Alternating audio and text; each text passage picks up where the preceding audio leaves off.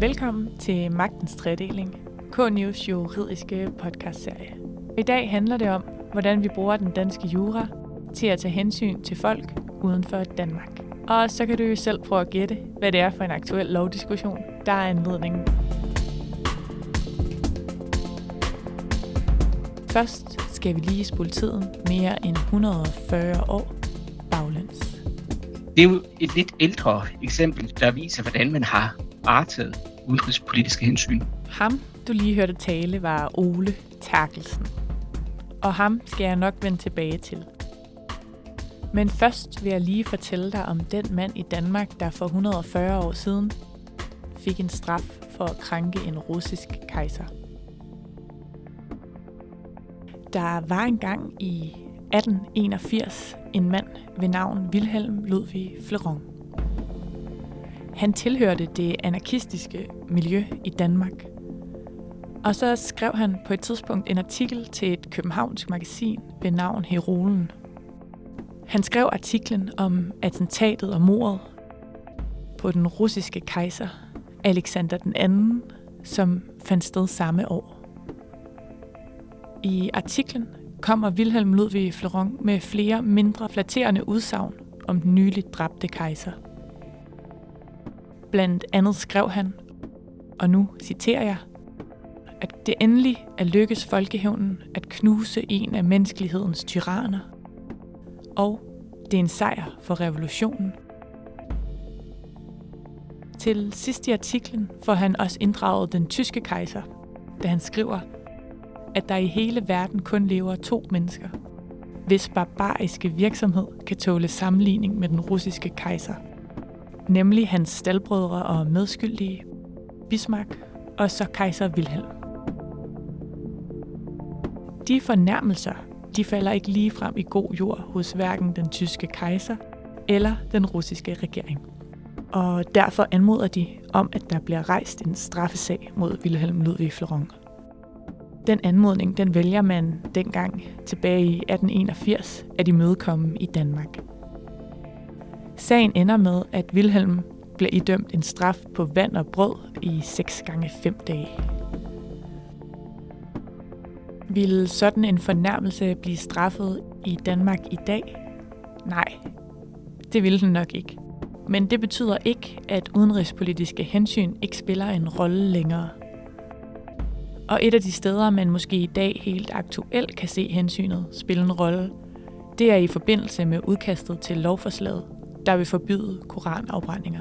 Det er klart, den gør et indgreb. Men hvornår går hensynet til en anden kultur eller religion for meget på kompromis i forhold til at lave indgreb i vores ytrings- og forsamlingsfrihed? Hvilke grænser sætter den danske grundlov, og hvilke grænser sætter den europæiske menneskerettighedskonvention? Hvis du spørger, kan man, kan man gøre det her?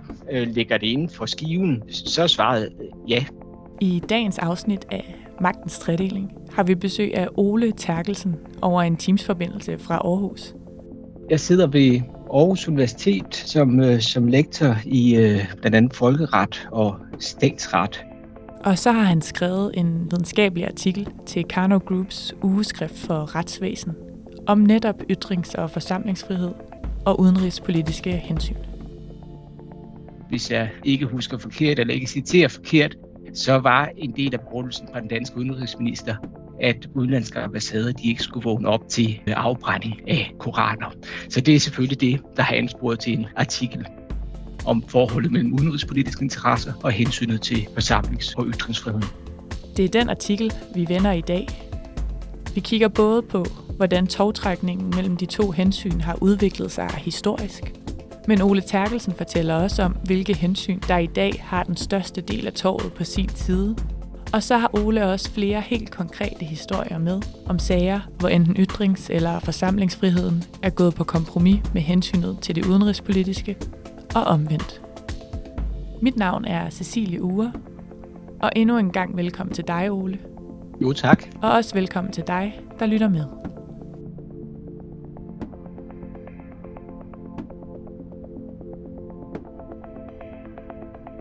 Ole, vil du ikke starte med at præsentere din artikel, som du har døbt til de her politiassistenter, og som du har skrevet til Ugeskrift for Retsvæsen. Når jeg har skrevet øh, en artikel om, om forholdet mellem udenrigspolitiske interesser og hensynet til ytringsfrihed og forsamlingsfrihed, balancen mellem de to hensyn, ja, så hænger det sammen med, at det er et forhold, som kan give anledning til en vis tvivl.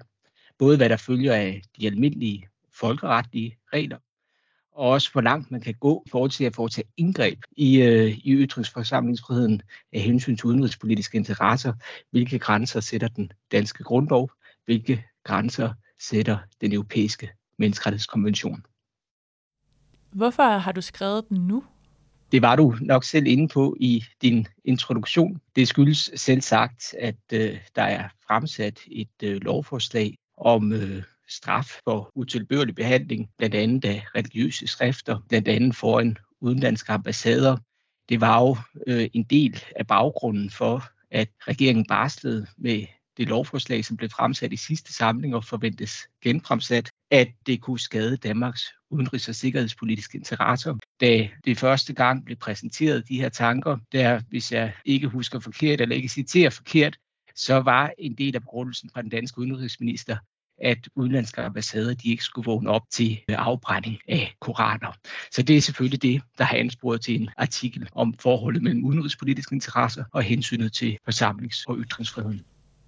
Og det er ikke kun Wilhelm Ludwig Fleron, som vi hørte om i introen, der igennem tiden har oplevet, at ytringsfriheden har måtte vige for et udenrigspolitisk hensyn.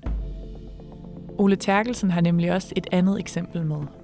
Vi skal bare lige spole tiden fra 1881 og frem til 1960'erne. For i 1960'erne var der et utal af demonstrationer. Mange af dem opstod som følge af Vietnamkrigen. Og flere af dem var også rettet mod USA af samme årsag. I 1965 var Margit Hansen, der var journalist og også politisk aktiv. Hun var leder af en sådan demonstration. Demonstrationen foregik foran den amerikanske ambassade og som en del af demonstrationen var der nogle plakater, hvor der blandt andet stod Stans USA-morderne. Og så var der også en plakat, hvorpå der stod, at Johnson blandt andet er det vietnamesiske folksmorder. Plakaterne de endte med at blive beslaglagt af politiet, og så blev der også ført en sag mod Margit Hansen. Margit ender med at blive dømt for overtrædelse af politivedtægten, og det får hun en bøde for. Historien gentager sig måske, hvis man går frem i tiden. Hvis, hvis jeg skulle tage et sidste eksempel, så kunne jeg tage et nyere eksempel, nemlig Tibet-sagen. Den husker de fleste nok. I øh, 2012 og 13 var den kinesiske præsident på besøg i øh, København, på statsbesøg. Der blev demonstranter de blev forhindret i at, at vise sig fra den kinesiske præsident og vise tibetanske flag og ytre kritik af Kina det er et, et nyere eksempel, og det er så også i øvrigt et eksempel, og det kan vi måske vende tilbage til, som viser, at, at det skulle man nok ikke have håndteret på den måde, som man gjorde i 2012 og 13. Så det er, det er noget, der går igen, og vi kan se i 1800-tallet og 1900-tallet udenrigspolitiske hensyn, hensynets fremmede stater varetages. Og hvad så, hvis vi ser den anden vej rundt? Har du også nogle eksempler, hvor det ligesom er ytrings- og forsamlingsfriheden, der får lov til at fylde mest? Det er ikke en ny ting, at man tager hensyn til adgangen til at at ytre sig.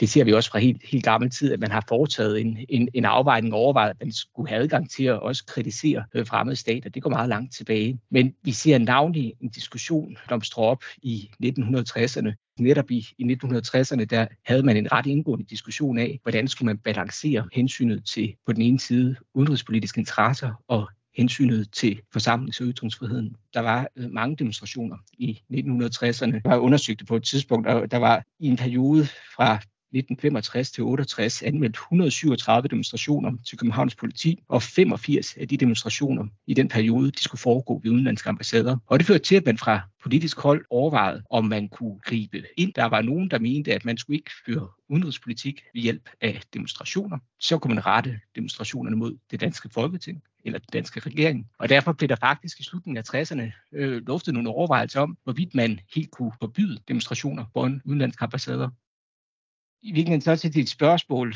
har man så taget hensyn til ytrings- og forsamlingsfriheden? Det gjorde man. Det blev afvist i 1960'erne, i slutningen af 1960'erne, at man kunne sådan på den måde generelt forbyde forsamlinger foran udenlandske ambassader. Det må bero på en konkret vurdering. I modsat fald vil det være grundlovsstridigt. Det tilkendegav regeringen, og Folketinget tilkendegav også klart, at det må være muligt at ytre sig udenrigspolitisk foran udenlandske ambassader. Det hører til de grundlæggende rettigheder i et folkestyre. Så der ser vi en, øh, en kan man sige, en, en, en vægt, der bliver lagt på ytrings- og forsamlingsfriheden kontra de udenrigspolitiske interesser. Jeg ved ikke, om du vil have nogle nyere eksempler. Kom endelig med dem. Så vil jeg nævne et eksempel også fra det internationale niveau. Fordi, at, og det kan vi måske også vende tilbage til, det her det har jo også en international dimension. Hvordan ser man på det i folkeretten? Hvordan vil en international domstol se på det her forhold? Vi har haft et par sager, blandt andet sag ved den internationale domstol. Den internationale domstol, det er et organ i FN-regi. Vi har også haft sager ved den europæiske menneskerettighedsdomstol. Men nu er det her jo, man kan sige, et globalt anlægte, så det er faktisk interessant nok at se, hvordan ved den internationale domstol, FN-domstolen, hvordan vil den se på forholdet. Og der har været en sag fra 2008 mellem Republiken Djibouti og Frankrig. Sagen er lang, men den handler grundlæggende om, at på et tidspunkt så begås der muligvis et mor på en, en, en franskmand, som er, er udsendt til Djibouti og fungerer som rådgiver for Justitsministeriet der. Han dør i hvert fald i midten af 90'erne. Først så bliver det udlagt som selvmord, så bliver der rejst en tvivl om, hvorvidt myndigheder i Djibouti er involveret i hans død. Og øh, det skal vi slet ikke afklare her i dag. Det står stadigvæk og svæver, hvordan øh, det forholdt sig dengang. Men pointen er, at i Frankrig så bliver der indledt en undersøgelse af den her sag. Der bliver blandt andet rejst en, en sag mod et par højtstående personer i Djibouti for at have pres på vidner i sagen. Men så på et tidspunkt, så Djiboutis præsident i 2005 er han på besøg i Frankrig, og der bliver han indkaldt som vidne i straffesagen. Og blandt andet det får Djibouti til at rejse en sag mod Frankrig ved den internationale domstol. Fordi et forhold er det, at han bliver ikke bare indkaldt som vidne. På en eller anden måde kommer det frem i pressen, som fortæller den her historie, at landets præsident er indkaldt som vidne i en straffesag. Og Djiboutis præsident mener, at det er en folkeretsstridig krænkelse af hans ære og værdighed, at han på den måde skal læse i pressen, at han på en eller anden måde er fittet ind i den her strafsag. De vil have en undskyldning, de vil have oprejsning fra Frankrig for den krænkelse, de mener er sket. Frankrig gør gældende i den her sag, at det vil de ikke give, fordi de har ikke begået noget folkeretsstridigt, og de henviser herved til hensynet til pressefriheden. De får medhold ved den internationale domstol, men den internationale domstol siger samtidig, hvis det nu var franske myndigheder selv, der havde lækket oplysningerne, så havde man begået et brud på internationale regler. Men man må altså sondre i forhold til borgerne, der skal man ikke gribe ind, fordi at her vejer hensynet til ytringsfriheden, det vejer tungere. Så det viser også på det internationale niveau, at man vægter hensyn til ytringsfriheden tungt i dag. Jeg ved ikke, om vi skulle runde, hvis man skulle se det i en dansk kontekst, fordi det kunne man jo også, nu var vi inde på Tibet-sagen lige før, den sagde, den bliver jo ikke håndteret helt, som, som den skulle. Der ser vi jo i virkeligheden det samme.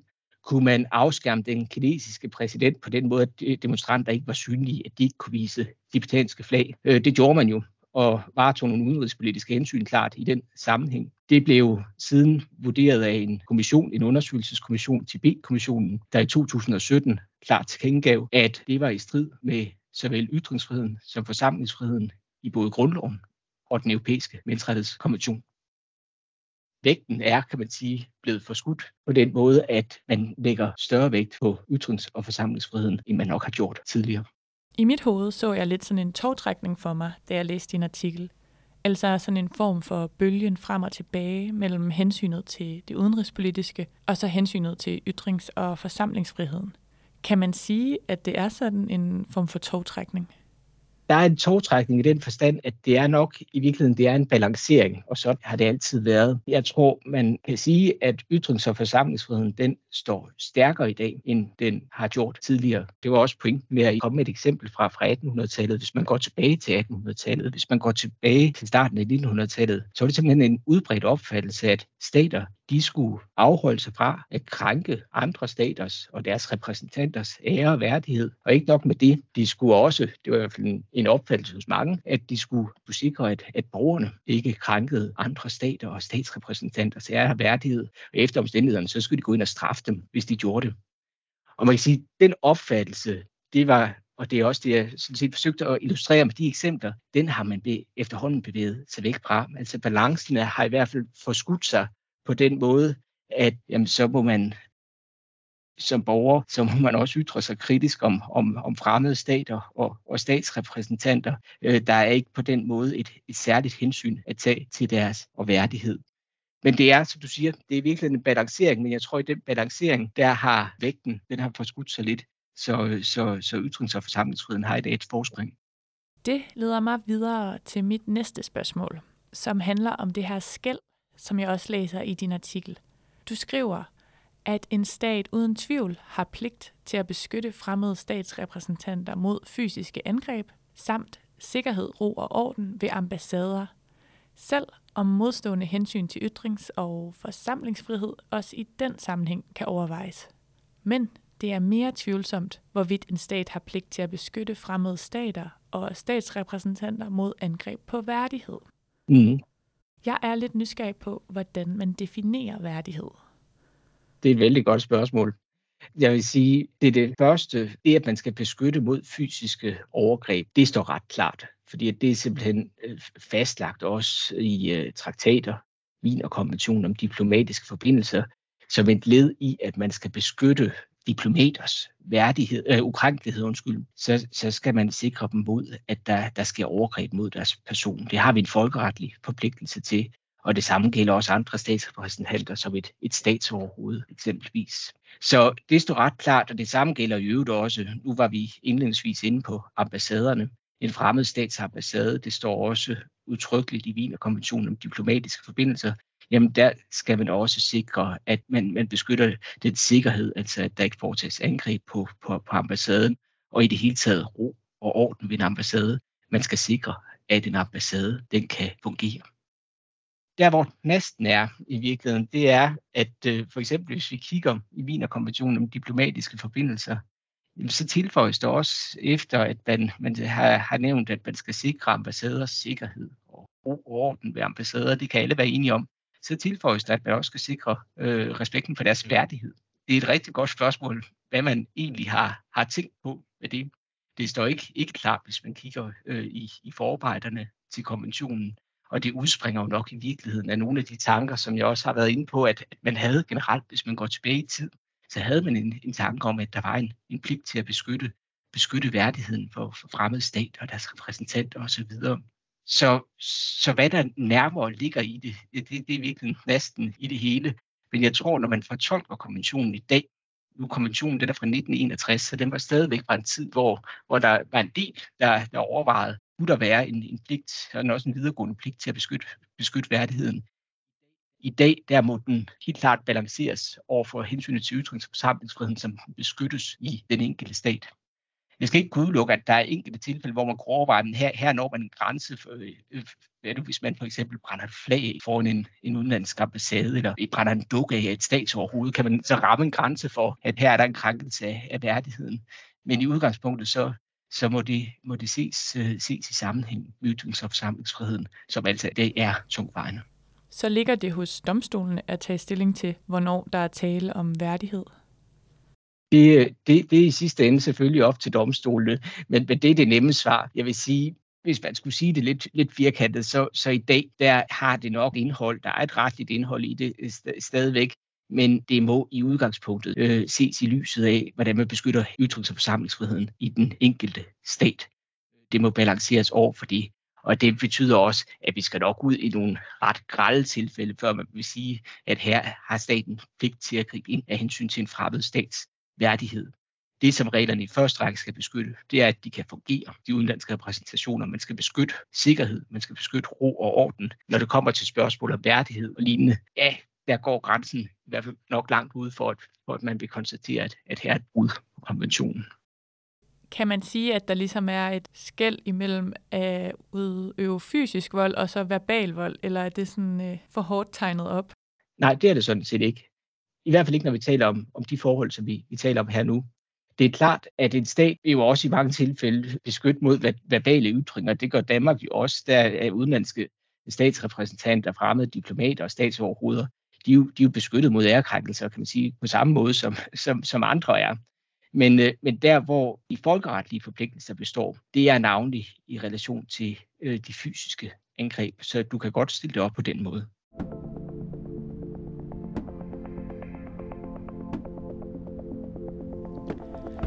Hvis vi så lige her til sidst skal samle op på aktualiteten i din artikel, som du også nævner til at starte med, altså i forhold til koranafbrændingsforbuddet, eller mere præcist, forslaget om en ny bestemmelse i straffelovens paragraf 110e, styk 2, om offentlig utilbørlig behandling af skrifter med en væsentlig betydning for et trosamfund.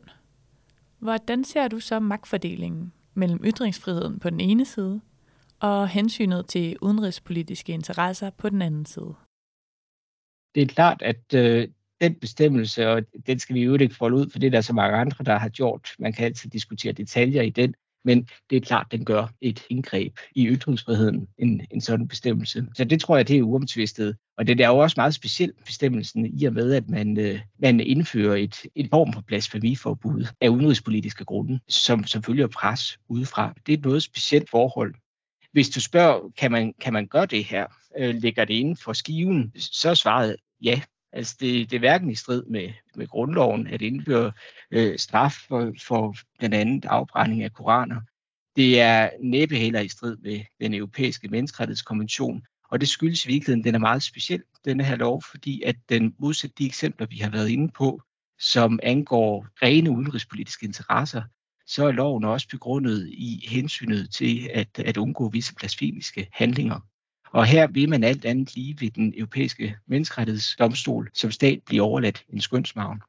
Så der kan være elementer i loven, man kan øh, diskutere, øh, også om, om, øh, om, om der kan være problemer i forhold til den europæiske menneskerettighedskonvention, og også muligvis om der kan være problemer i forhold til den formelle ytringsfrihed i grundloven. Men ordningen som sådan, den vil gennemføres inden for de rammer, der er. Så det er i bund og grund det er en politisk beslutning, om man vil begrænse ytringsfriheden på den måde, som der lægges op til. Kan man sige, at det ligesom er et lille træk i toget hen imod, at de udenrigspolitiske hensyn får mere magt igen? Det kan man jo godt sige. At, at det der er et eksempel på i hvert fald, at man tillægger udenrigspolitiske og sikkerhedspolitiske hensyn vægt. Det har man også gjort tidligere, og, og, og det gør man jo så også nu, nu igen med den, øh, den foreslåede bestemmelse. Nu skal vi jo se, hvad det bliver til i sidste ende. Men jeg vil sige, hvis man kigger på de grundlæggende rammer, de retlige rammer, så er det ikke et, et øh, skridt tilbage. Der vil jeg sige, at de står uanfægtet, og den udvikling, vi var inde på, at der er sket en styrkelse af forsamlings- og ytringsfriheden, der er sådan set ganske optimistisk. Man kan gennemføre det her lovforslag, og det er, som vi var inde på, det skyldes blandt andet, at det er også begrundet i, i blasfemiske hensyn. Men det betyder ikke, at man kan gå mange skridt videre og begynde at indføre meget en anden ny lovgivning af hensyn til rene udenrigspolitiske interesser. Her er hensynet til ytrings- og forsamlingsfriheden, det er altså i dag mere tungtvejende, end det var, hvis vi går lidt tilbage i tiden. Er det noget, der bekymrer dig? Som sagt, man kan sige, lovforslaget, det, det fremlagte, det har jeg sådan set ikke, ikke, ikke i hvert fald her i dag, nogen, nogen holdning til. Øh, det, det holder jeg for mig selv.